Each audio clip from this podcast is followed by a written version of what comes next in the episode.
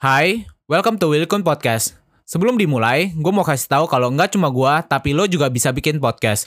Mulai dari mulai rekaman, edit suara, sampai tambah lagu, sampai bisa lo lakuin sendiri dengan platform Anchor. Satu aplikasi buat semua kebutuhan podcast. Bisa di-download dari App Store dan Play Store, atau bisa juga diakses dari website www.anchor.fm. Nggak cuma buat, tapi lo juga bisa langsung share dan publish hasil rekaman lo ke Apple Podcast, Spotify, Stitcher, dan lain-lain dari Anchor ini. Yang paling penting, Anchor ini gratis. What's up guys, welcome back to my channel, Willy Kun Channel. Dan gue mau say thank you dulu buat kalian yang selalu support channel gue Dan gue juga mau kabarin ke kalian. Sekarang gue udah aktif di tiga platform yaitu di Youtube, podcast Spotify, dan di TikTok nih. Nah konten-konten di tiga platform itu gue tetap bahas yang sama. Gue bahas tentang true crime, tentang horror, dan hal-hal yang menurut gue menarik. Nah tapi yang buat bedanya di Youtube dan podcast Spotify Gue bakal bikin konten yang kemungkinan bakal di atas 10 menit. Jadi jedanya ini lebih panjang. Nah kalau di TikTok gue bakal bikin konten yang satu menitnya aja. Jadi uh, lebih ke arah poin-poinnya kalau di TikTok nih. Gue berharap banget kalian bisa support gue di tiga platform itu gue taruh linknya di deskripsi ya. Nah hari ini gue mau bahas tentang jembatan puncak nih. Sebenarnya kemarin gue udah sempet update di TikTok dan kelihatannya banyak yang pengen tahu lebih dalam tentang jembatan puncak ini. Tapi kan di TikTok gue cuma ada durasi satu menit. Gue nggak bisa jelasin secara detail tuh di situ jadi gue kasih poin-poinnya aja. Tapi di sini gue bakal bahas tuntas tentang jembatan puncak. Jadi sebelum mulai jangan lupa untuk selalu support channel YouTube gue dengan cara klik tombol subscribe-nya aja di pojok kanan video kalian, kemudian tinggal klik tombol loncengnya agar mendapatkan notifikasi terbaru dari channel gue.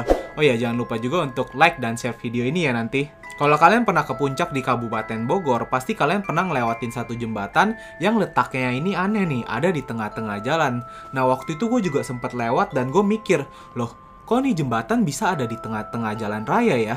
Jadi memang jembatan ini tuh terhubung dengan satu villa besar yang sekarang jalurnya itu udah ketutup sama pohon-pohon. Jadi kalau kita ngeliat jembatan ini, seakan-akan kok jembatannya kayak nggak ada ujungnya ya.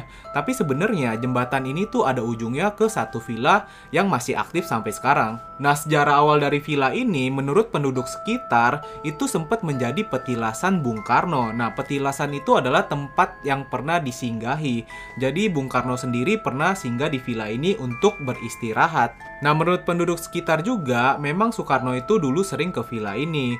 Nah, kalau dia ke villa ini, dia akan naik helikopter dan berhenti di rest area nih, parkirin helikopternya. Kemudian dia akan jalan menggunakan jembatan di puncak itu untuk masuk ke villa besarnya itu. Tapi sejak tahun 1960 hingga 1970, villa besar ini tuh berubah fungsi menjadi kafe yang mewah, namanya itu Riung Gunung Coffee Shop. Nah, makanya kalau kalian lihat jembatannya sekarang, ada tulisan Riung Gunung di pinggir jembatan itu. What's up guys? Sebelum kita lanjut, kenalan dulu yuk sama temen gua, namanya Anchor. Anchor ini adalah all-in-one podcast editing platform yang membuat gua lebih mudah untuk rekaman, edit suara, tambah lagu, dan segala hal dalam pembuatan podcast yang sedang lo dengerin kali ini. Anchor juga bisa jadi temen lu juga loh.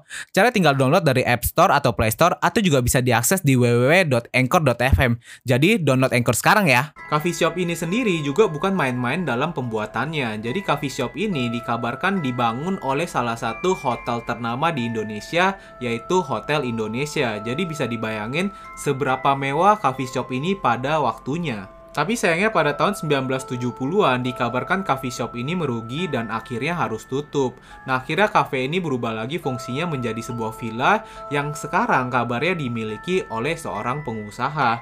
Tapi kabar ini nggak bisa memastikan pengusaha itu ada hubungan nggak dengan Soekarno. Dan kabar menariknya juga dari penjaga villa itu sekarang, rupanya villa ini tuh masih aktif didatengin sama pemiliknya yang sekarang. Dan ada juga beberapa foto yang diunggah oleh penjaga villa ini nih. Jadi kalau kita lihat foto-foto yang diunggah sama penjaga villa ini, yang nggak usah diragukan lagi nih pemandangan di villa itu luar biasa bagus banget.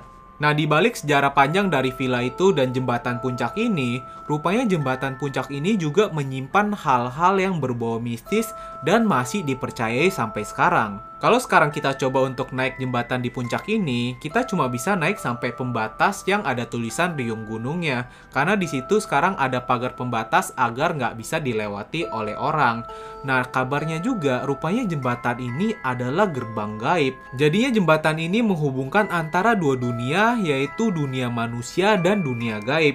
Dan dunia gaib yang dihubungkan oleh jembatan ini juga bukanlah dunia gaib yang main-main bisa ke arah petilasan Prabu Siliwangi dan ke arah pantai selatan. Menurut para paranormal, mereka melihat dua sosok harimau putih milik Prabu Siliwangi di jembatan itu dan seekor ular raksasa milik Nyi Roro Kidul juga di jembatan itu. Dan uniknya juga, mereka menggambarkan sosok harimau yang ada di jembatan itu memiliki postur yang sedikit cacat yaitu kakinya pincang dan sudah tua, tapi mereka tidak menjelaskan apa arti dari harimau yang cacat itu. Kita juga sangat nggak direkomendasikan untuk menaiki anak tangga jembatan ini karena sosok penjaga di jembatan itu yaitu harimau putih dan ular raksasa ini nggak suka dengan kehadiran manusia. Dan menurut cerita warga sekitar jembatan itu juga, mereka sering melihat penampakan rombongan yang sedang menaiki anak tangga itu tapi itu bukan rombongan manusia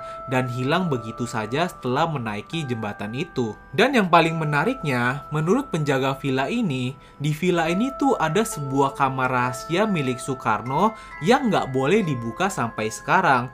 Dan di dalam kamar itu ada sebuah lubang misterius yang nggak pernah dijelajahi oleh orang. Sampai sekarang kamar rahasia milik Soekarno itu masih dijaga oleh pemilik villa yang sekarang dan nggak pernah dibuka. Jadi ada yang berani gak buka kamar milik Soekarno? Nah itu dia video hari ini guys. Semoga udah gak penasaran lagi sama jembatan yang kalian sering lewati ya. Oh ya jangan lupa untuk subscribe, like, dan share video ini. So thank you guys for watching this video and see you guys in the next video.